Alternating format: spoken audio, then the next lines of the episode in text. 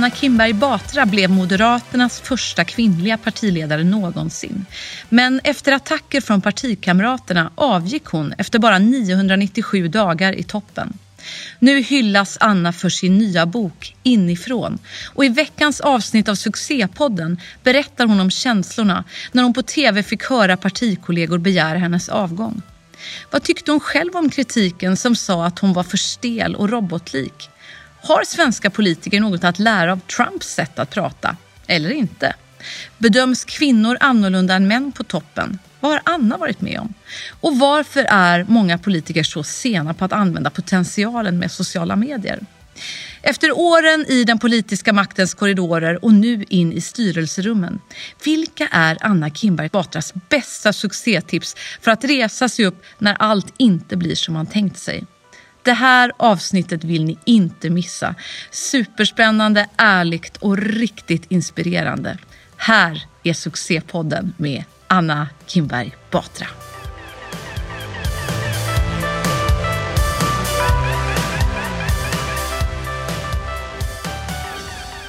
Anna Kinberg Batra, du är så varmt välkommen hit till succépodden. Tack! Du, eh, vi, vi sitter och spelar in den här podden och blickar ut över Södersjukhuset. Mm. Vad har du för relation till Södersjukhuset? Ja, men rätt stark faktiskt. Jag insåg det när jag såg det genom fönstret. Jag föddes där 14 april 1970 på morgonen och det minns inte jag så mycket av, så, men det, jag liksom vet det. Och födde barn själv där 2006.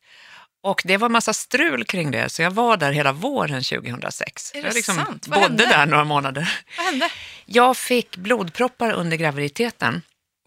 Så dottern kom i slutet på maj och eh, redan i mitten på mars flyttade jag in på SÖS och trodde Mm. det skulle vara några dagar. Men eh, eh, det blev hela våren, för jag fick flera då. Det händer ibland att man får blodpropp under graviditet och det är inte livsfarligt och sådär. Särskilt inte om man kommer till sjukhus, då tar de hand om en. Men sen fick jag fler och det blev strul. Och så Men kan det man är väl inte... ändå lite ovanligt, eller? Ja, och så kan man inte operera och hålla på och göra allt man brukar på en gravid kropp. Så där låg jag fastbunden i en droppmaskin hela våren medan magen bara växte och växte och växte. Hon mådde prima hela tiden. Men det var ju skönt. Vad gjorde du när du bara låg och låg då? Alltså grejen är att det här var ju då precis, det var inte före internet, sånt Nej. fanns, men det var ju innan det fanns patient-wifi och smartphones och iPhones och sånt. Utan när man åkte in där, då kunde man smsa och ringa sina anhöriga, men inte så här ligga och surfa och sånt som de gör nu, Nej. utan det var helt avstängt. Så där låg jag och jag hade ganska ont så jag fick ett mycket smärtstillande i början och sov mest. Men när jag pignade till så här så låg jag och läste eller fick besök ibland eller tittade på, tittade på tv och dvd-filmer. Vi såg säsong efter säsong av 24. Åh gud, det var ju så precis då. underbart, eller hur? Ja, det var ju Mm. fantastiskt.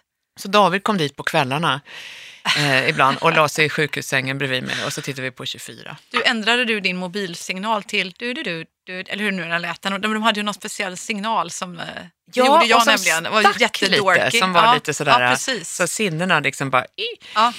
Men det gjorde jag inte. Nej, det gjorde inte Nej, det. Du var nej. inte lika dorky som jag där. Men du, vad, det, vad, vad gjorde du då till vardags? Vad hade du för position eller roll eller yrke? Då eller? var jag informationschef på Stockholms handelskammare så där ja. där man eh, ja, håller på med både, både företagande och politik och försöker få dem att förstå varann och det tycker jag är kul. Och så hade jag, innan dess hade jag drivit företag själv. Vad var det för företag du drev då? Jag frilansade åt Handelskammaren bland annat, åt Prime med kommunikation och sånt.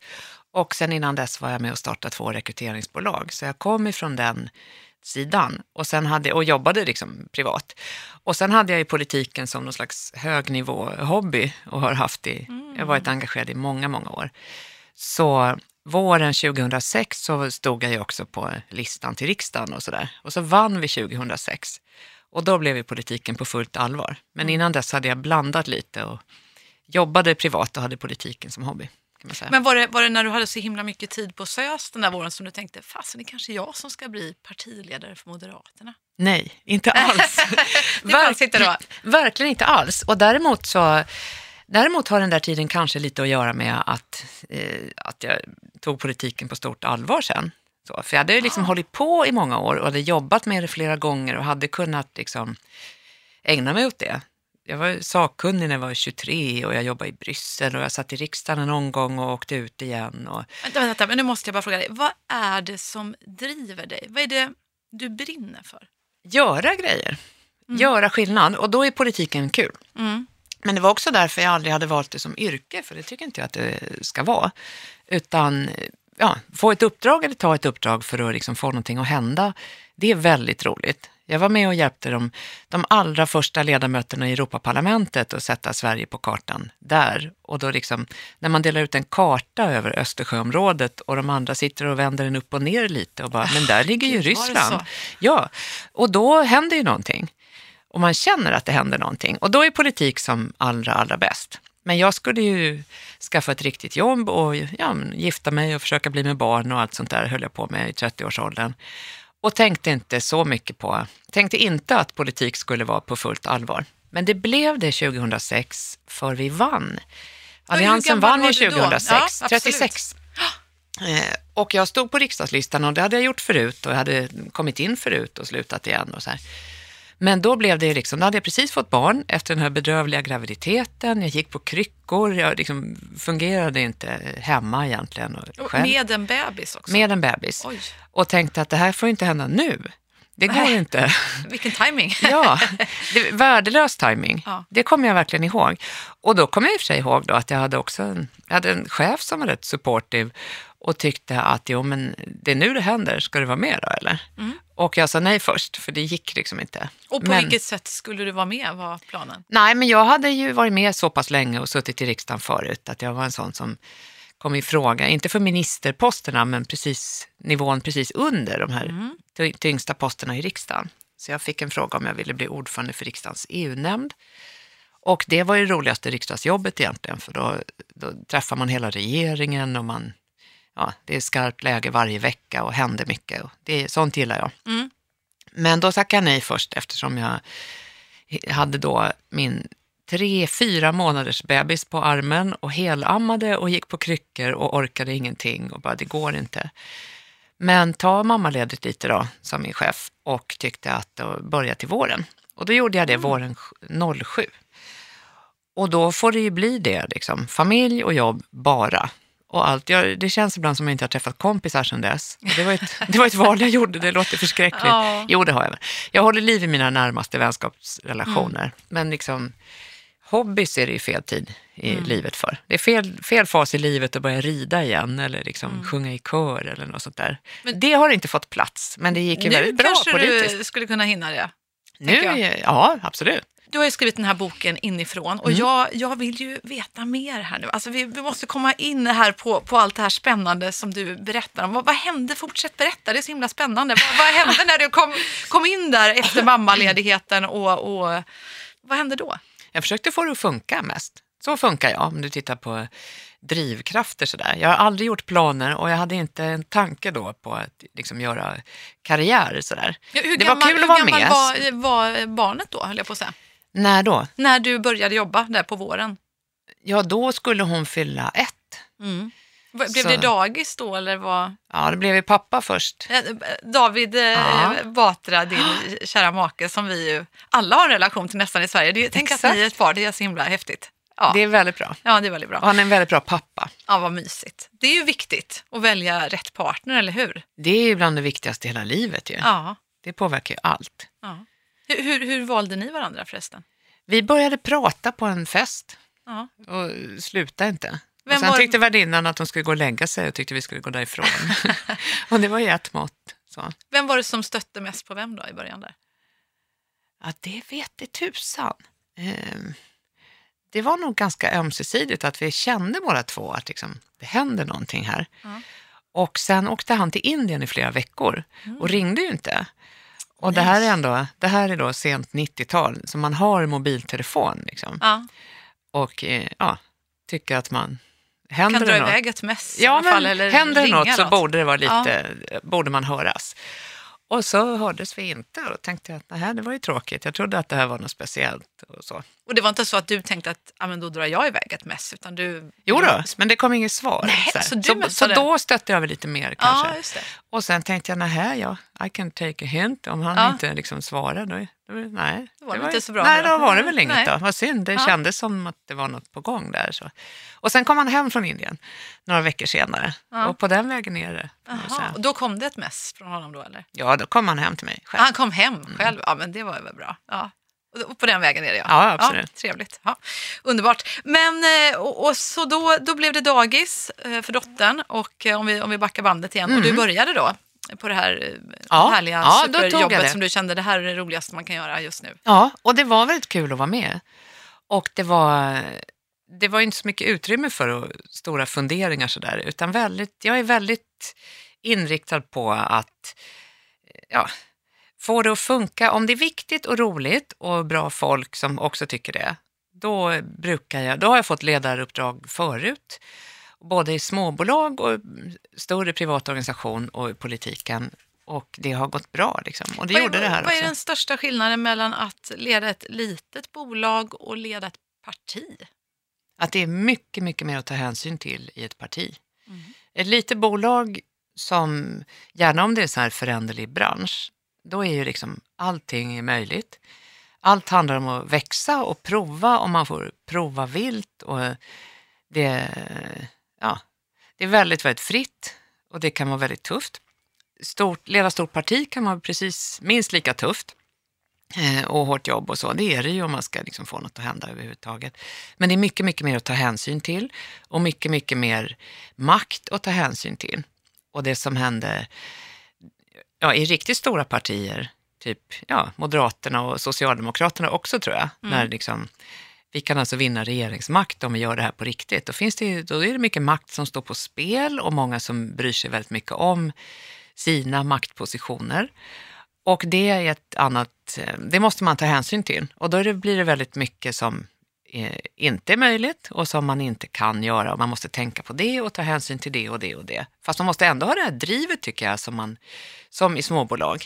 Alltså om du inte vill nå det där målet och få det att funka och hända, då kommer du ju ingen vart, vare sig med litet privat företag eller stort politiskt parti. Men det är ett nollsummespel i politiken och det gör det ju väldigt speciellt. Det Hur finns är det bara... ett nollsummespel? Det finns bara 349 riksdagsmandat om man slåss om dem.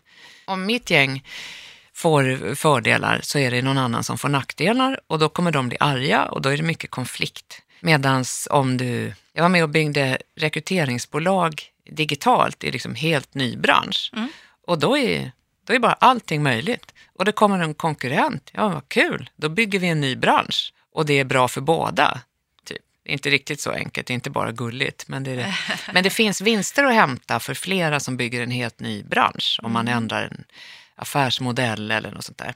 Och det finns inte riktigt i politiken, utan då fler eh, ja, moderatframgångar, det blir ju då argare socialdemokrater eller sverigedemokrater eller något sånt där. Och sen är det ganska mycket som handlar då om makt och konflikt. Är du bra på att lösa konflikter? Ja, det tror jag. V- vad är ditt, Men i politiken ska man ju knep? skapa några också. Ja, exakt. Vad, vad är ditt bästa knep då för att, att lösa konflikter?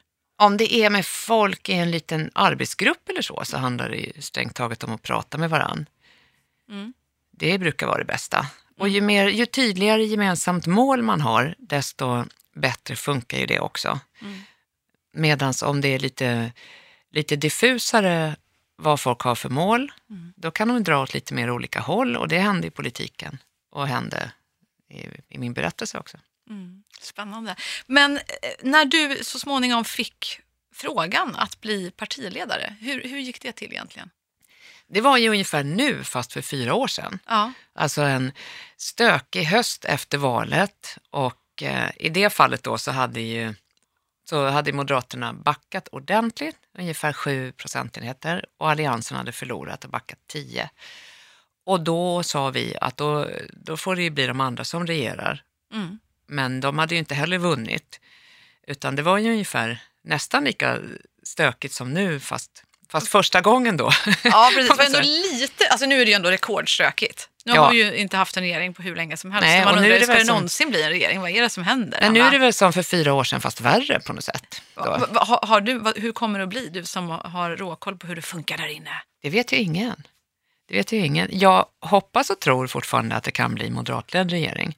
Eh, för sossarna kan ju inte heller regera själva. Men hur tänker och du? ingen har ju majoritet. Vad, vad, ska, så. vad ska det bli för konstellation då tror du? Mo- Moderaterna och... så mycket allians som möjligt. Men Mm. det beror ju på C och L också vart de tar vägen. Ja. Så nu har de ju sagt, nu spelar vi in det här precis när de har sagt att de vill ha så mycket ja, högerpolitik som möjligt egentligen. Och då, då hade jag tyckt att då är det en bra deal att bilda alliansregering och det har de hittills inte tyckt. Och det får de ju nu reda ut själva då, de som är partiledare efter mig. Och det visar, det enda man kan vara riktigt säker på då, det är väl två saker. Det, läget är komplicerat och ingen har fått precis som de ville i valet. Och hur man än gör så har man rumpan bak. Det är Ja, de enda två sakerna man kan vara riktigt säker på. Och då blir det liksom, om man, om man gör på det ena sättet så är det några som kan bli jättearga och bli svikna om man får ändra på någonting. Om man gör på det andra sättet också. Och om man inte gör något också. Och där står ju alltså alla partiledare nu. Mm. Den biten saknar jag inte. Nej, nej, det förstår jag. Det är ju en oerhört knivig situation. Så det var ju lite både lättare och knepigare då 2014. Ja, lite. Ja, precis. Jag hade i Men, alla fall tillträtt en regering så här års, men det var regeringskris. just det, och då fick du frågan, hur gick det till? Det finns en valberedning då, Mm. alltså en liten grupp som är utsedd av partiet för att eh, prata om sånt här och förbereda sådana här val. Och sen så är det en stämma som röstar. Det är så det brukar funka. Mm. Och det var tänkt att det skulle ske i lugn och ro under våren. Men så blev det ju regeringskris och Stefan Löfven, som då hade hunnit bli statsminister, han förlorade sin budgetomröstning och sa att det skulle bli extraval till våren. Och då bestämde de att oj, då måste vi välja en ny partiledare för han som, för Fredrik Reinfeldt hade ju lämnat och ville då inte ställa upp i det här extravalet. Då. Och då var vi några stycken som det kunde handla om och det hade vi förstått i några år att det var. Men nu blev det skarpt läge redan i december då. Och då fick jag frågan. Och, och vad kände du då direkt? Hjälp, lite. Lite grann så. Alltså det idealiskt är det ju liksom aldrig. Men det är det ju inte här i livet. Varför var det inte idealiskt? Det var regeringskris. Mm. Alla var... Det var rätt dålig stämning i partiet. Mm. Förlorar man valet så betyder ju det att om man har regerat så slutar alla ministrar. Ja, och alla fina tråkigt. regeringsjobb Ja. försvinner. Ett antal miljoner ska dras ner i organisationer. Alltså folk sägs upp, blir av med jobbet, det är inga roliga grejer. Nej, skittråkigt. Ja, ganska dålig stämning faktiskt. Fast då har man ju möjligheten att gå in och säga att nu jäklar, nu ska vi få det här att hända, nu ska det spraka och nu ska vi ta tillbaka makten och jäklar vad kul det ska bli. Ja. Nu kör vi. Ja, Ja. och det var vi några som ändå gav oss på där. Ja. Och, så. och det var ju skälet till att tacka ja då, precis. Jaha, och sen så, så blev du Moderaternas första kvinnliga partiledare. Och då undrar som, som du säkert har fått frågor om tusen miljoner gånger förut, men har du blivit annorlunda behandlad för att du är kvinna? Jag har ju inget att jämföra med. Nej. Jag har ju aldrig, jag har aldrig varit något annat och det har ju aldrig varit någon annan kvinna som har varit moderatledare då. Men, eh, men lite tror jag faktiskt att det spelar roll. Jag försökte spela ner det i början. Jag fick mycket frågor om det så där, precis när jag var nyvald. På typ temat, vad betyder det att du är kvinna? Och jag tänkte så här, men sluta gör mig till kön och objekt nu. Jag vill göra mitt jobb och bli bedömd för resultat. Så jag Yes. spelade ner det jättemycket. Och liksom bolla tillbaks till journalisterna, typ att, ja, att ni ställer fler sådana här frågor. Men, och så försökte jag vrida det till liksom att prata politik istället. Så. Men det blir ju en, det blir ju ett extremt förlopp sen. Och jag tror inte kön är den enda faktorn, utan det handlar mycket om att det är dramatiskt i omvärlden, det är regeringskris, decemberöverenskommelse, flyktingkris, Brexit, Trump och terrorism inom ett par år. Det är ju extremt, bara det. Det blir väldigt mycket kris och väldigt mycket så tunga negativa frågor. Det är en extrem förändring i medielandskapet också. Det här är åren när sociala medier exploderar, när Twitter börjar sortera efter vad som väcker mest känslor, inte efter eh, tid och eh, vad som liksom lades ut senast. Och så här. Hela det exploderar också under den här tiden. Och det gör ju att det blir också polarisering och att allting piskas upp och ska gå fort, fort, fort och vara väldigt otåligt. Det är de två stora faktorerna, tror jag. Men kön spelar ju roll på den här absolut högsta nivån, där det inte har varit så många kvinnor förut. Hur spelar det roll? Och där man får frågor om vad man har på sig och hur man ser ut och hur det är med familjen. Och det, kan man, det är väl okej, okay. mm. det är mm. bara gulligt. Men när det blir, till exempel om jag säger någonting allvarstyngt eller seriöst eller pratar om flyktingkrisen till exempel. Jag tittar på sådana bilder efteråt och då ser jag ganska sammanbiten ut och det, det stämmer. Jag tycker alltså det är ett problem om vi har flyktingkris och folk kommer gående över Öresundsbron och barn får sova ute. Mm. Jag tänker inte le då. Eh, men när en man säger någonting väldigt, väldigt seriöst, då är det, då är det liksom ansvarsfullt, statsmannamässigt, mm. seriöst och till och med äntligen seriöst. Då är det liksom positivt. Men jag fick ju hela tiden höra att jag borde se lite gladare ut, kan du inte le oftare och bli lite ja. mer bedömd för kvinnlighet. Och när jag gör hårda grejer, de kan man ju tycka olika om då, men jag är ändå vald liksom högerledare då. Mm. Och när jag säger tuffa grejer om migration eller hårdare tag mot brottslighet och sånt, alltså framför moderat politik egentligen, då blir det ju liksom känslomässiga reaktioner på ett annat sätt än vad det blir när Fredrik Reinfeldt eller Ulf Kristersson eller Stefan Löfven säger precis samma sak. Mm. Exakt, men det, och det, det är ju så himla intressant här att tyvärr finns det ju faktiskt forskning som också pekar på det. Att, att om en kvinna säger en sak med allvarlig röst, då är man lite mer uppfattas mer bitchig mm. och, och, en man som säger samma sak är bara seriös. Har du hört någon man kallas bitchig eller besvärlig? Tyvärr, det uttrycket finns ju knappt liksom motsvarande för män. Men... Jag har ett exempel i boken om, ja. förlåt, ja, om eh, Hillary Clinton och Donald mm. Trump. För jag träffade en högt rankad eh, republikansk politiker då vid något tillfälle efter det amerikanska presidentvalet. Och han, eh, han började liksom med att bara hälla ut om Donald Trump. Han ville verkligen berätta för mig, jag hade inte liksom frågat om det, men han ville verkligen berätta hur han ogillar Donald Trump som person jättemycket och bara prata om det. Jaha, sa jag, varför, varför var det ändå han som vann och varför var det inte Clinton som vann istället? She just wasn't likable enough, säger han. Mm. Nähä, tänker jag, efter att ha hört den här svar, de här första tio minuterna på något sätt.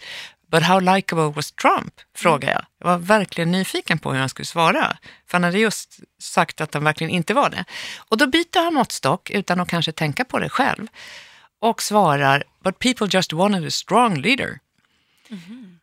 Och den måttstocken använder han ju inte på Hillary Clinton. Det hade han ju kunnat göra på något sätt. Och då skulle man se hon är då utrikesminister i världens enda supermakt och har suttit där länge och respekt liksom i regeringar i hela världen. Och Donald Trump saknar helt politisk erfarenhet och är väldigt lynnig och oberäknelig som person.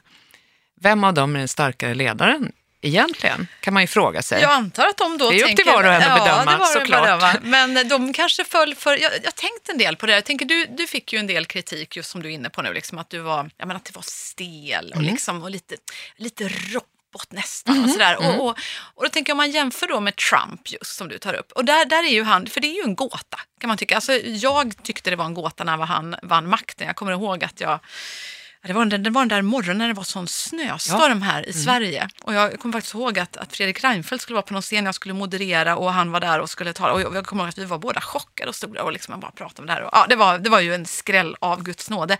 Men jag tänker, han blev ju vald, kanske då, för att han, han, var ju, han, han använde ju ett språk som är väldigt eh, opresidentlikt. Mm. Alltså hela hans eh, kroppsspråk, hans eh, ord, allt är ju bara, äh, jag vet jag tycker han är en jävla idiot och uh, om inte han trycker på knappen trycker jag på knappen. Alltså det är ju nästan som ett barn pratar ibland. Och det är ju väldigt enkelt och direkt och känslofyllt. Och det funkar ju. Det, det liksom... funkar ju. Alltså, då tänker jag så här, vad, vad, tänker du när du fick den där feedbacken och vad vet jag, läste någon tidningsartikel eller såg på nätet eller de här kommentarerna om att de tyckte att du var för stel. Liksom. Vad, vad, vad gjorde du med den inputen? Jag jobbade vidare och började bli trygg i rollen efter ett par år, för det brukar det ta. Här kommer otåligheten in tror jag. Och statsmannamässigheten. Men hur måste man vara statsmannamässig? Det var, det var inte så att du tänkte, äh, fasen, jag kanske ska släppa loss lite. Eh, eh, kanske sådär knacka på maken och sa, David, du som ändå är värsta bästa stand-up comedian vi har här i landet, kan inte du bara ta med mig till någon improvisationsteater så får jag gå omkring och leka gorilla och elefant och bara eh, gå loss och dansa och eh, Testar du det? Ibland kan man väl göra sånt, men det beror ju lite på situation, tycker jag. Gjorde du det? det är alltså, nej, men jag jobbade med en skådis till exempel, Ja. just för att, eh, ja, hur man använder kroppen och hur, liksom, hur rösten funkar och det ger olika signaler i olika lägen. Men till slut, till slut tror jag att det enda som verkligen funkar är att vara sig själv och vara trygg i sig själv och säga det man tycker. Men att vara nyvald partiledare är, det är svårt. Jag ville absolut vara noga med att göra rätt i början. Och det står jag för, därför att priset för att göra fel är så himla högt. Och, jag tror, och kvinnor straffas hårdare för misstag. Så jag tänkte nog kanske lite för mycket då i början på att jag får inte göra misstag, jag får inte göra fel, jag måste vara seriös och visa att jag kan bli statsminister. Och det tycker jag fortfarande att man ska ställa ganska höga krav på någon som vill bli. Vi vill inte ha David Batra skulle nog vara en bra statsminister, men jag tror inte han skulle vilja. Men vi vill inte ha vilken komiker som helst som statsminister, utan Nej. vi vill ju att när, ja, när det sker terrorattentat i Stockholm till exempel, då, eller det är flyktingkris, då vill vi ju att statsministern ska vara seriös. Jag vill det i alla fall. Jag tycker inte att liksom, trams är rätt svar på de frågorna. Och sen kan man ju spänna av i andra sammanhang. Varje gång jag skrattade i tv, vilket ju då händer ibland eftersom jag är människa, liksom, så blir det så här, nej men oj, oj, oj, titta, hon är kanske ingen robot och så. Och det uppfattades som överraskningar och så. Ja, ja men herregud. Så man behöver lite både och. Och man behöver få sina år på sig. Alltså både Fredrik Reinfeldt, Carl Bildt, Erna Solberg i Norge, eller Annie Ja. Lööf här, var ju, fick höra både det ena och det andra de herregud. första åren. Ja, men flera, absolut. flera år. Och det är fel typ och prata konstigt och ser tråkig Mm. ut. Och alla de grejerna, det tar ett tag innan man hittar, hittar rätt i sin roll. Mm. Men de fick, ju, de fick ju sina år på sig. Ja, men det är Och sant. Jag kommer det fick ihåg inte jag. Jag Annie slutade- Lööf vi fick ju sluta före valrörelsen. Ja, men precis. Och hon, hon fick ju jättemycket kritik i början och som hon ju skriver om i sin bok. Liksom. Så var var det verkligen en katastrof. Och så nu har det ju gått mycket, mycket Ja. bättre och verkligen hittat. Efter sju år. Ja, och det är såklart man lär sig och blir bättre och bättre ju mer man får öva på något. Så är det ju Ja, allt. och väljarna får ju lära sig hitta på något sätt också. Man ska ju förhålla sig till varann på något sätt. I sin, man har en offentlig roll som, som politiker då och vill säga vissa saker. Bara, så här är jag, så här funkar jag. Ja. Vad tycker ni om det? Ah, skeptisk, säger väljarna i början säkert. Och det ska de väl på något Ja. sätt. Och så tar det ett tag innan man säger, aha, hon funkar så här. Vad tycker vi om det?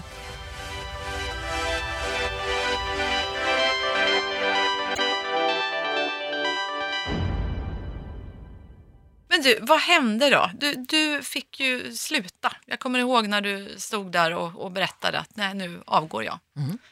Det, vad hände? Det var ju då, eh, det hade ju inte varit val Nej, än. Jag hade inte förlorat valet, jag hade inte börjat begå brott eller fuska med nej. skatten det och sånt där. så, inga Toblerone-grejer du hade för dig eller något sånt där. Nej, Det var bara att... som det brukar vara. Ja, det ja, brukar vara precis. sånt Men man det, var, det var liksom inget, inget sånt du hade gjort fel, utan det var, det var, var det opinionssiffrorna som Ja, vek. Ja. Eh, Så, det var några olika på insidan som var oroliga, tror jag, för sina maktpositioner. Och som eh, krävde min avgång. Först i månadsskiftet maj-juni då, 2017. Och sen eh, när opinionssiffrorna var lite över 18 procent då, var de då. Och det tycker vi, det är vi aldrig nöjda med. Men det var ju ett, ett och ett halvt år ungefär till valet då. Och sen när det var drygt ett år till valet så var det flera, flera stycken som krävde min avgång. Hur Och- kändes det? Nej, bedrövligt. Det måste ju vara Surt jättehemskt. och Alltså, orättvist. Och den sommaren också hade vi liksom börjat få lite fart. Vi hade ju haft en bedrövlig vinter och vår och tuffa mätningar och kriser och sådär och börjat ta oss igenom det. Så hade vi börjat lägga fram förslagen till politiken inför valet. Det hade, vi hade avsatt två ministrar på sommaren och började liksom få ihop det på största, i största allmänhet, tyckte vi i styrelse och ledning. Men det tyckte inte de här som satte igång sådär i alla fall. Och det kändes ju bedrövligt. Orättvist, onödigt framförallt. Det var ju många aktiva moderater som undrade vad är det här? Men, men jag tänker också illojalt. Absolut. Alltså jag tänker, du är ju partiledare i det här läget för Moderaterna Ja. och så är det då andra ledare i din organisation Mm. eh, som bara direkt underminerar dig och går emot dig. Alltså det, det är ju Jajamän. så fruktansvärt illojalt. Alltså jag tänker att om det hade drabbat mig själv, alltså att man skulle bli så besviken, ledsen, Absolut. förbannad, allt det där. Allt det där. Absolut. Och de hade ju valt ja. mig enhälligt också, två gånger. Och det var ju ingen av de här som hade lanserat någon annan, som tyckte liksom att vi skulle driva annan politik eller hade lanserat någon annan plan eller så. Det var inte det det handlade om. Men Utan ring- det var att de satte ja. jaget framför laget lite, Ja, faktiskt. Men, men hur, hur gick det till då? Var det så att någon av de här personerna ringde upp dig först och sa, vet du vad, Anna, jag ska bara vara rak mot dig. Jag, jag tycker faktiskt inte det funkar. Och jag, jag tänker eh, göra vad jag kan för att få bort det nu, för jag tycker inte det känns bra. Eller, eller, eller vara konkret om vad det var de inte tyckte var bra. Eller, eller var Nej. det så det funkar? Nej, konkret var det inte så. Det var inte så konkret. Det var några som hörde av sig med olika klagomål och vi pratade om läget sådär. Mm. Men de här avgångskraven fick jag se i media som alla andra. De hörde... Gud vad sjukt. Så du, Ja. du fick liksom läsa om det i tidningen? Ja, att- eller att de sa till när det kom. Allting sprids ju så på sekunden nu. Så. Ja. Men de som, Ja, de som krävde min avgång i tv ringde ju inte innan och pratade inte innan. Så gick det ju liksom inte till. Utan det var det tycker jag låter så himla mediespel. hårt på något vis. Det är att få det av en kollega som du leder och så får man det när man ser i tv-rutan. Ja, ja. Det är absolut. Och det är Ringde symptom- du upp då? Eller kände du att nej? Det är lite olika med några olika men personer. du ringde till någon då? Några och framförallt så samlade jag ju ledningen då. Ja. Så. Vad sa du på det ledningsmötet när det började liksom hetta till där och det var flera som... Ska inte avslöja hela boken. Nej, det är klart. Nej, det är får klart. vi inte göra. Nej, Men nej, det är nej, min nej. bok. nej man, får, man får in och läsa inifrån. Det blir Ja. perfekt Ja. julläsning för oss alla, verkligen. Så himla spännande att få reda på vad det är som händer i de där situationerna. Ja, Ja. men det, jag vill gärna berätta. Man, det var någon som sa så här att, eh, ja, typ, jag förstår att du skriver, men du ska fundera på varför du ger ut det. Och det ska man göra. Alltså skriva av sig kan man göra för sin egen skull. Sådär. Men jag ville berätta inifrån två saker egentligen. Inifrån en väldigt, väldigt dramatisk politisk tid där det händer saker som vi håller, fortfarande håller på och sliter med och där du ser hur partierna liksom tassar runt och eh, håller på. Och det andra är inifrån den här rollen. För det är väldigt många, som- man får ju, det är väldigt många som har åsikter när de har, ser partiledarna på tv och bildar sin uppfattning efter det. Men det är väldigt, väldigt få som har provat. Och det märkte jag att det var många som var nyfikna på och ville berätta. Och det, det vågar jag berätta när jag gått igenom det här. Och det är jättekul att det är så många som är nyfikna på. Ja, men det förstår jag. Jag är jättenyfiken också. Vad vill du göra nu då? Vad, vad, vad, what's, what's in the future?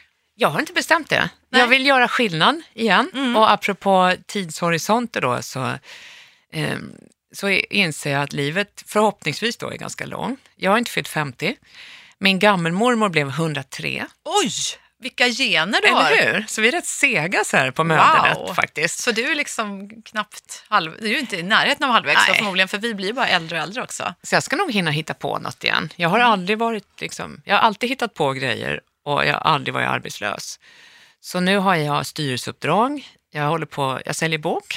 Ja, just det. Du är entreprenör nu också och författare. Småföretagare, ja, det roligt. författare, har styrelseuppdrag och är knuten till Handelshögskolan i Just Stockholm, där jag en gång läste då. Och Mm. det är ju jättekul. Jag skrev uppsats 97 om att det här med internet skulle påverka organisationer och rekryteringar och det gjorde det ju. Det kan man ju säga. Det kan man väl säga. Ja. Och det är nästan, det är nu det verkligen händer. Så, här. så det här med hur gör man med organisationer och väldigt, väldigt mycket förändring när allt digitaliseras. Det verkar finnas fler som vill prata om då. Mm. ja, det är ju sjukt spännande. Mhm. Vad är din största inspiration där ute digitalt? Vad, vad, vilka följer du på LinkedIn exempelvis? Är du där?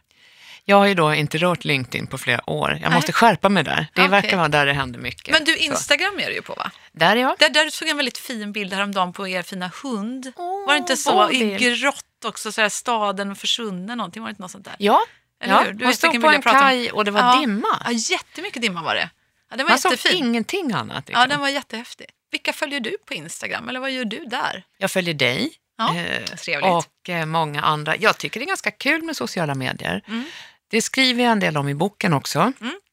För vi fick ju prova oss fram. Det här var ju ganska nytt egentligen. Jag hade Twitterkonto och Facebook före valet 2014. Men det, det är de senaste liksom, par, tre åren som det verkligen har smällt till och blivit stort. Anna, nu måste jag, bara, nu måste jag avbryta frågan. Jag är sist på jag det, jag fattar vet. inte. Nej, du är ju inte sist. Jag, jag, förstår inte. Alltså, du är ju en ledare och eh, har ju jobbat på absoluta toppnivån i, i, vår, i, vår, eh, i vårt land när det kommer till politik. Och jag förstår inte, varför är det så många partiledare som, och överhuvudtaget politiker som inte är mer ute i sociala medier? Jag tänker att, att leda är ju att vilja någonting och nu har man ju rösten och bara nå ut rätt ut. Varför sitta och vänta på att någon tv-kanal eller någon tidning ska plocka upp vad man vill säga? Varför inte bara tuta och köra själv? Det håller väl på att hända nu? Ja, men det är ju, varför är det bara håller på? Kolla på Trump. Mm. Han bara körde ju mm. och eh, hamnade rätt i president eh, i ovala rummet. Vad, vad, vad, väntar vi på? Varför håller vi på fortfarande att ta oss fram? Jag tycker det går så otroligt segt alltså. Ja, men det håller jag nog med om. Vi började liksom, vi var verkligen nybörjare och amatörer. Jag tycker det är ganska mm. roligt och det funkar precis som du säger, just att nå ut direkt. Mm. Och man kan också vara, ja, om det inträffar något så här, på helgen eller mitt i natten eller så, då kan man ju hantera det hemifrån dessutom. Det är rätt praktiskt sådär om man har familj ja, också. Om man når fler som vill ha direktkontakt. Exakt. Och, jag, och det är jag, inte så dumt, men vi har väl lärt oss liksom Ja, det, det anses men, men, fortfarande ja. finare att komma i, i en dagstidning. Ja, men det, det stämmer inte nej, längre riktigt. Och, och, jag tänker också alltså, demokratiaspekt. Mm. Jag, ehm, jag, ska ta upp ett exempel som jag faktiskt skriver om i min bok Digital passion. Eh, så vinner du med sociala medier. Då var det att jag var på väg från en, en konferens som hette Offentliga rummet. Där det var typ 800 digitala chefer från stat, kommuner och landsting. var lite deppig nästan när jag åkte därifrån. För, för det var någon statssekreterare var där och jag kommer ihåg att jag frågade, tycker du att regeringen och riksdagen har tillräcklig digital kompetens? Han bara, nej. Och så tänkte jag, hur svårt ska det vara att få till den här dialogen? Kommer till pyttelilla Hofors eh, och ska hålla någon föreläsning där om sociala medier för typ 50 entreprenörer, kvinnliga entreprenörer och, och företagare där. Och så visar det sig att kommunchefen sitter i lokalen. Hon heter Mimmi då. Eh, och jag bara, ha, spännande. Så här, du, hur gör du för att kommunicera till dina väljare vad, vad, vad ni har gjort i kommunen senaste veckan? Det undrar väl alla här. Liksom, vad, vad är det som har hänt med alla stålarna jag har betalat? Vad, vad, vad har ni gjort? Vad har du gjort egentligen? Vad, vad, skulle hända om du en gång i veckan typ bara körde live och bara säger hej allihopa, nu är Mimmi här. Nu ska jag berätta för er vad vi har gjort i kommunen senaste veckan. Ja, vi har faktiskt startat förskolan Kotten äntligen. Här har vi platsledig, har ni några tvååringar? Jag vill bara höra av sig här till förskolechefen eh, Anna här som, som hon väntar bara. Och så har vi simskolan igång här nu. Nu kommer ju sommarlovet. Det är bara att anmäla sig även om man är vuxen har vi en liten crawlingkurs. Och sen är det ju det här med parken som vi ska bygga. Ska vi köra ek eller alm? Här för att svara på frågorna har vi våran parkchef och det har vi annonserat innan att eh, han, hon skulle vara med. Så välkommen upp Mohammed här. Eh, berätta nu Mohammed, vad är fördelarna med ek och alm? Och kom igen nu era frågor här nu så passar vi på att snacka under tiden.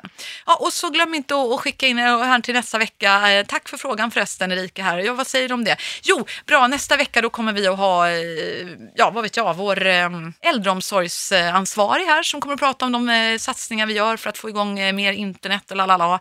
Och har ni fler idéer på vad vi ska prata om, tveka inte att höra av er så kan du vara en gäst och du vet att du alltid kan ställa dina frågor. Skulle ni vilja ha det så? Säger jag till alla som sitter i lokalen. Alla bara ja! Mm. Och jag bara, när kan du börja? Säger jag till Mimmi. Hon bara, äh, vänder som, pratar med sina kommunikatörer, vänder som igen. Hon bara, på fredag. Mm. Hon kör igång på fredag, det är två dagar senare och jag säger två tips. Konceptualisera det, kalla det för någonting eh, och, och, och två, ge inte upp. Om det inte funkar första veckan, kämpa på lite grann. Ja. Kör igång på fredag. På lördagen har hon nått tredubbelt antalet mm. människor som ens finns i Hofors kommun. Och jag bara, varför kan man inte göra det? Varför, varför gör inte vår statsminister det? Varför gör inte alla lokalpolitiker det? Varför gör inte alla kommunchefer det? Det är ju alltså de högsta tjänstemännen i kommunerna. Vad skulle hända? Tror du att vi skulle få en bättre dialog? Jag tänker bättre förtroende för politiker. Politiker är ofta utsatta för allt möjligt. Liksom hat, hot, spe. Absolut. Och jag tror, jag började med sånt. Jag hade en frågestund på Facebook som heter Fråga Anna. Ja. Som kom igång under 2017. Och mm. Det var jätteroligt att göra också. Så mm. var det alla möjliga frågor, smått och stort. Sådär. Var, mm. Vad gör ni med migrationen och vad händer med den här frågan? Och vart är svensk ekonomi på väg? Och vad har du för skonummer och hur lång är du? och allt möjligt, smått och stort. Och försökte ja. bara, satt jag bara och mata och svara mm. på frågor sådär, mm. hela tiden. Och det var väldigt uppskattat och det var väldigt roligt att göra. Eller hur? Så jag tror att det är en superbra form och då får man just direktkontakt. Man vill ha svar på vanliga frågor, man vill bli tagen på allvar tror jag och känna att man liksom kommer fram till politiker sådär. Och så få titta in lite bakom kulisserna tror jag är lite kul. Jag tänker att det bygger Också. förtroende just också. Jajamän. Att man verkligen får komma nära och känna att min röst betyder Ja. något och min folkvalda lyssnar på mig. Ja, jag tycker det är jättebra. Ja. Och hade, jag hann börja med sånt, men jag, inte, jag, jag var inte med i valrörelsen. så det hann jag inte. Nej. Men det var jättekul. Mer det- sånt, Ja, absolut. Mm. mer sånt, eller hur? Jag tycker det är spännande. Vi var inne på vad du inspireras av. Du kollar runt lite grann på Instagram och du fortsätter där. Och vad kommer att hända mer då, som sagt? Det finns väldigt mycket roligt att göra och jag ska fundera lite till på vad det är. Men jag, sitter, Mm. jag har uppdraget på Handels har jag ett tag till. Så till våren ska, tänkte jag väl fortsätta. Man får fortsätta köpa min bok efter jul om man vill. Ja. Och sen är jag knuten till Handels då också, har styrelseuppdrag. Och njuter av lite mer tid med familj och vänner också. Ja, mysigt. Vad, vad är det för styrelseuppdrag? Avanzas pensionsbolag. Och det är jättekul. För där eh, Avanza, det är både liksom regleringar och långsiktighet och sånt där när det är finans och pension. Och en uppstickare ändå, som utmanar liksom affärsbanker och gamla aktörer. Och, Men- men det låter ju och som- pension är viktigt. Ju Ja, äldre man blir, desto mer tänker man ju på det. Ja, och vi kommer kanske. ju bara bli äldre och äldre och få en allt äldre befolkning och hur Japp. ska det gå ihop? Japp. Det är stora frågor. Och arbetsmarknaden förändras. Verkligen. Alltså för, det är så mycket som fortfarande är uppbyggt efter att du ska börja jobba vid 2025 och vara på, anställd på samma ställe. Så var det ju. Tills När jag var liten, dig. alltså det var ju typ det finaste man kunde få var liksom en fast anställning. Det var det allting gick ut på. Ja. Och nu är det ju bara gigekonomi som eh, tar över allt mer. Att vi gör fler saker och vi byter jobb. Både du och jag driver egna bolag och gör lite allt möjligt hitan och ditan. Och det är bara vanligare och vanligare. Ja, och då kanske du måste, du måste planera pension på ett annat sätt, kompetens på ett annat sätt. Du kanske måste byta jobb tre, fyra gånger mitt i livet och det är inte farligt. Det är kanske bara väldigt roligt. Men hur gör du och vem betalar? Det finns ju massa sådana frågor Du, har, du något, har du något tips då? För nu har ju du faktiskt bytt. Alltså från att du har haft då eh, livvakter som har sprungit omkring och tagit hand om dig och, och blivit skjutsad hit och dit till att plötsligt så kan, kanske du måste själv ha hand om din agenda och har inte massor av assistenter och presschefer och allt vad det nu är att delegera till. Hur klarar du det? Nu går det bra. Första veckorna var lite mer, oj. Hallå, var är mitt kaffe? Det är ganska, en enkel, ett praktiskt tips är att jag har lärt mig faktiskt då att använda digital almanacka. Mm. Och det är ju bra, för det är ändå mobilen man har med sig oftast. Och det är ofta där det kommer liksom inflöde och frågor. Ja, ja, ja. Finns det inte digitala kalendern då missar jag ju alltså. Så det har underlättat. Ja. Och där kan man ha, jag använder Weekcal-appen då. Okej. Där kan man ju ha lite så här, då kan man ha liksom familjealmanacka och jobbalmanacka och lite annat blandat. Så här. Men du har du några fler tips då, över- överhuvudtaget för att våga? Alltså, Våga bryta upp tror jag är jätte, jättebra. Mm. Om man tittar på, alltså, om du tittar på psykisk ohälsa, inte minst bland så kvinnor i vår ålder, så handlar det ju, det kan ju ha hur många orsaker som helst såklart, men en sak man får höra av de som har bränt ut sig, en återkommande berättelse kan jag tycka, det är ju att det var en hopplös situation och man kände att den var hopplös och man kanske hade en hopplös chef eller arbetsplats eller ett hopplöst livspussel och det bara gick inte ihop. Men man kände inte att man kunde göra något åt det och så kraschar man. Tänk om vi kunde undvika det. Mm. Tänk för, alltså för de enskilda personerna som slipper drabbas av det, för hela, liksom, ja, hela samhället. Så. Och då handlar det om att våga och ha råd att bryta upp. Och vad har du för tips då till alla som eh, sitter? Jag, jag har själv sagt upp mig faktiskt från eh, ja, men du vet, chefredaktörsuppdrag och allt vad det nu är. F- Fina löner, fint jobb och bra titel. Och jag kommer ihåg eh, min make sa något till mig, du kan ju inte säga upp det från det här jobbet, det fattar du väl? Jag bara, jo, det går faktiskt jättebra. Nej men det kan man ju inte göra. Jo, det går så bra så. Det är bara att göra. Och, men vad, vad har du för tips där? Du har ju också gjort det här flera gånger, brutit upp, by- bytit bana. Ja, det är inte man? farligt. Och det har du ju visat själv också. Ja, jo, men, men, Ju mer man tror så att min Ja. anställningstitel eller så är liksom min identitet, desto Mm. farligare är det ju att lämna. Och jag tänker också faktiskt ibland att, att folk kanske har en övertro till det här med alltså, fina titlar och anställningar. och. Men herregud, allting kan ju gå åt skogen. Företag Ja. kan välta, eller det. Mm. du kan bli lat och ointressant, eller vad sjutton det nu är. Eh, Så att det finns ju alla möjligheter att... Jag var fastanställd på ett stort företag som producerar fel varor eller tjänster och går helt omkull. Vad var det värt egentligen? Nej. Precis. Precis. Nej, Ingenting.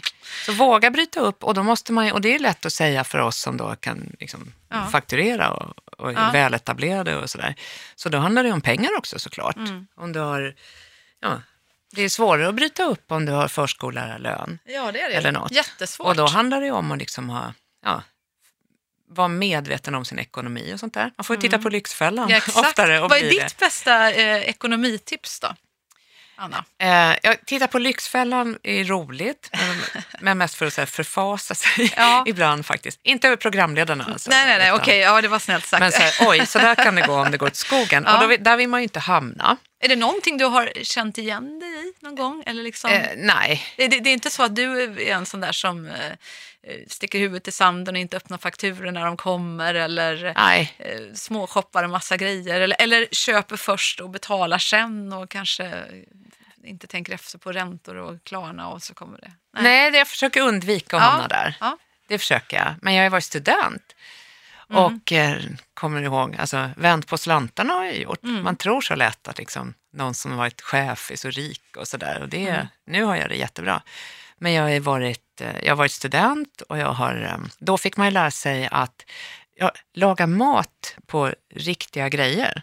Mm. Alltså lök och morot kommer man ju hur långt på som helst Ja, för nästan inga pengar alls. Och det är mycket, mycket billigare än att gå på McDonalds eller Ja, köpa, köpa halvfabrikat eller så. Det är väl ett sånt tips, hushållstips Precis, faktiskt. nudlar, vi- vita bönor, ja herregud det finns mycket sånt. Och sen måste jag fråga, jag, jag kommer ju i januari så drar ju Aschberg och jag igång Trolljägarna.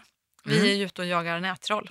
Vad kul. Ja, både, både Eller kanske inte. Ja, det, det är faktiskt kul. Alltså, det känns verkligen eh, spännande. Vi, vi träffar ju alla möjliga eh, människor förstås. Eh, både, både de som är utsatta då, och förstås de här förövarna. Och de reagerar på massa olika sätt. Alla, vissa blir ju arga och förbannade och vissa...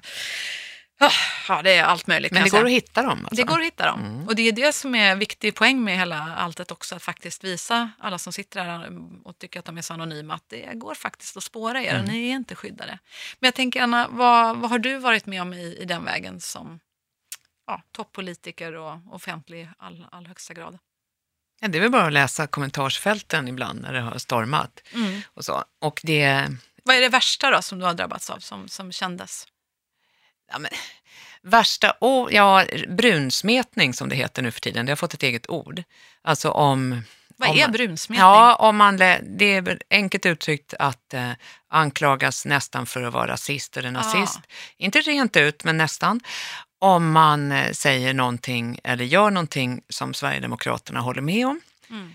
Eh, och det används ju gärna av politiska motståndare Mm. för att höja priset på något sätt. För att liksom, Men, men vad, vad var det som liksom kändes mest? Eller som har känts mest när någon har liksom...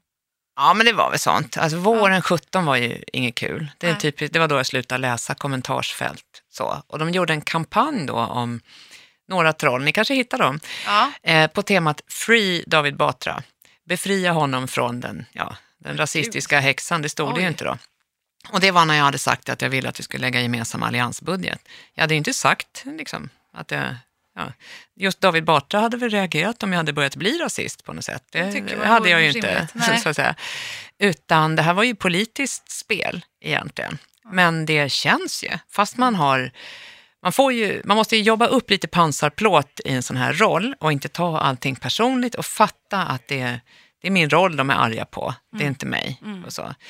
Och jag hade ja, men rätt mycket säkerhet omkring mig också, så det blir inte farligt liksom, innanför skinnet. Och man försöker hålla utanför, men det är obehagligt och det skrämmer många andra. Jag har träffat ett antal människor som skulle vilja engagera sig politiskt, som bryr sig om att det, det är ett problem om det är för få som ställer upp i valen till exempel. Men de orkar bara inte för att det är så hetskt. Särskilt på Twitter kanske och sociala medier. är du på Twitter idag? Ja, Twittrar du mycket? nej. För att? Ja, egentligen på grund av det här. Nu Ja. är de ju snällare när jag inte är partiledare då. Så Men det är, det inte, är det är ingen som skriker hemskt. hora och landsförrädare åt mig nu. Liksom. Men det kan ju, bli, det kan ju gå väldigt, väldigt hett till Mm. i, politiskt och det kan ju, det trissas ju upp. Mm. Vi får ju aldrig veta hur många som var människor, hur många som var maskiner som liksom körde som hårdast emot mig. Sådär. Eller mot andra partiledare Mm. eller så. Men det, det förbättrar ju inte det politiska samtalet, det tycker jag inte. Verkligen inte. Sen är ju det faktiskt också en skillnad märker jag när man ser på just män och kvinnor. Landsförrädare kan kanske både kvinnor och män kallas men hora det, det får sällan män Det är färre killar. Men det, det är Mm. ju faktiskt en sexualiserad skitbenämning som Absolut. bara slängs i ansiktet på Mm. nästan standardmässigt på kvinnor med makt skulle jag. Absolut. Min spaning. Mm. Du, vem ringer du när, du när du blir ledsen då? När du känner att, Hem framförallt. ja, Jag har en jättemysig familj Ja. och en väldigt förstående man. Jag tror att det är ganska bra att han också har lite medievana själv. ja, Han har sett både det ena och det andra i det offentliga rummet. De är oftast snälla mot honom i och för sig. Men han, ja, han fattar ju hur folk håller på och hur det kan kännas ibland. Och, så. och då är det väldigt, väldigt skönt att komma hem och bara stänga om sig och mysa med Mm. Lilltjejen, ja vad boven. mysigt. Vad ska ni göra i jul? Ta det lugnt, Ja. äta gott och vara med familjen. Mysigt. Du, eh, jag tänkte att vi skulle runda av med att du kanske ändå kan bjuda på dina absolut bästa succétips. Alltså, du har ju ändå nått enorma succéer i ditt liv. Nu har du en boksuccé med inifrån som säljer som eh, smör och folk är jättesugna såklart på att få veta allt det här vi har pratat om. Och du, har, du blev den första kvinnliga partiledaren i Moderaterna, ändå en otrolig bedrift. Och du har gjort en rad andra spännande, eh, spännande uppdrag på, på din meritlista. Så att säga. Vad, vad är dina tips till att nå succé i livet? Ja, men jag skulle väl säga tre grejer som alltid återkommer på något sätt. Det är väl för det första att eh, göra sin grej och hitta den. Eh, och det kan ju ta ett tag. Man måste nästan bryta upp ett par gånger och gå på några smällar och lära sig vad man inte är bra på också för att hitta rätt. Sådär. Och då känner man ju det i magen och då ska man försöka utveckla det om det går. Det andra är väl att ehm, eh, våga fatta beslut. Och det gäller ju ja, både småföretagare och andra ledare även i stora sammanhang. Du kommer alltså inte ha hela facit och du vet inte, du, du varken ska eller kan detaljstyra utan förutsättningarna förändras mycket och fort och det gäller ju hela branscher och hela samhället och då måste du klippa till ibland. Och då gäller det att veta vart du ska och vara liksom värderingsstyrd och trygg i målet. Och så får du vara lite snabbare i fötterna på något sätt. Det är det minst dåliga sättet att navigera under väldigt stor osäkerhet Mm. som många har. Och det tredje och sista är väl att det blir ändå aldrig som du har tänkt dig. Det blir det ju faktiskt Nej, inte. det, det inte inte. livet, det kan bli bättre. Mm. Titta på alltså penicillinet låter ju så klyschigt, men det är ju sant. Det kommer ju från liksom ett misstag i labbet. Sådär. Mm. Jag träffade min man på den här festen och började prata med min man. Den hade jag inte tänkt gå på. Det var ju Nej. en jättebra idé faktiskt, visar det sig i ja. efterhand. Sådär.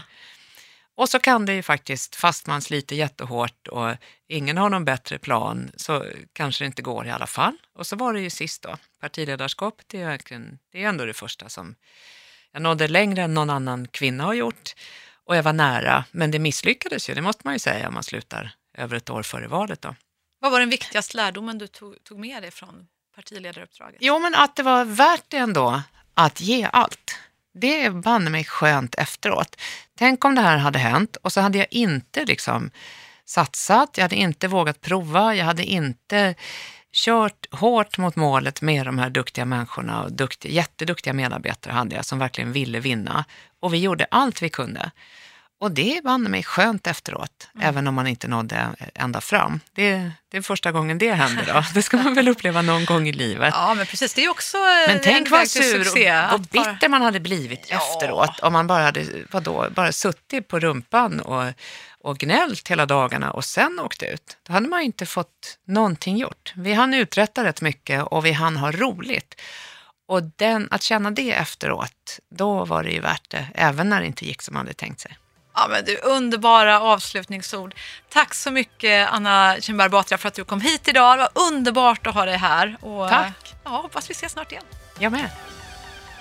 Tack just för att du lyssnar på Succépodden. Vi älskar ju att hylla personer som just vågar driva utveckling, som går på smällar men reser sig igen. Ut och förändra världen allihopa, bränn alla jäntekoftor ni ser där ute, inspireras av succéer, mod och passion mina vänner. Vi ses!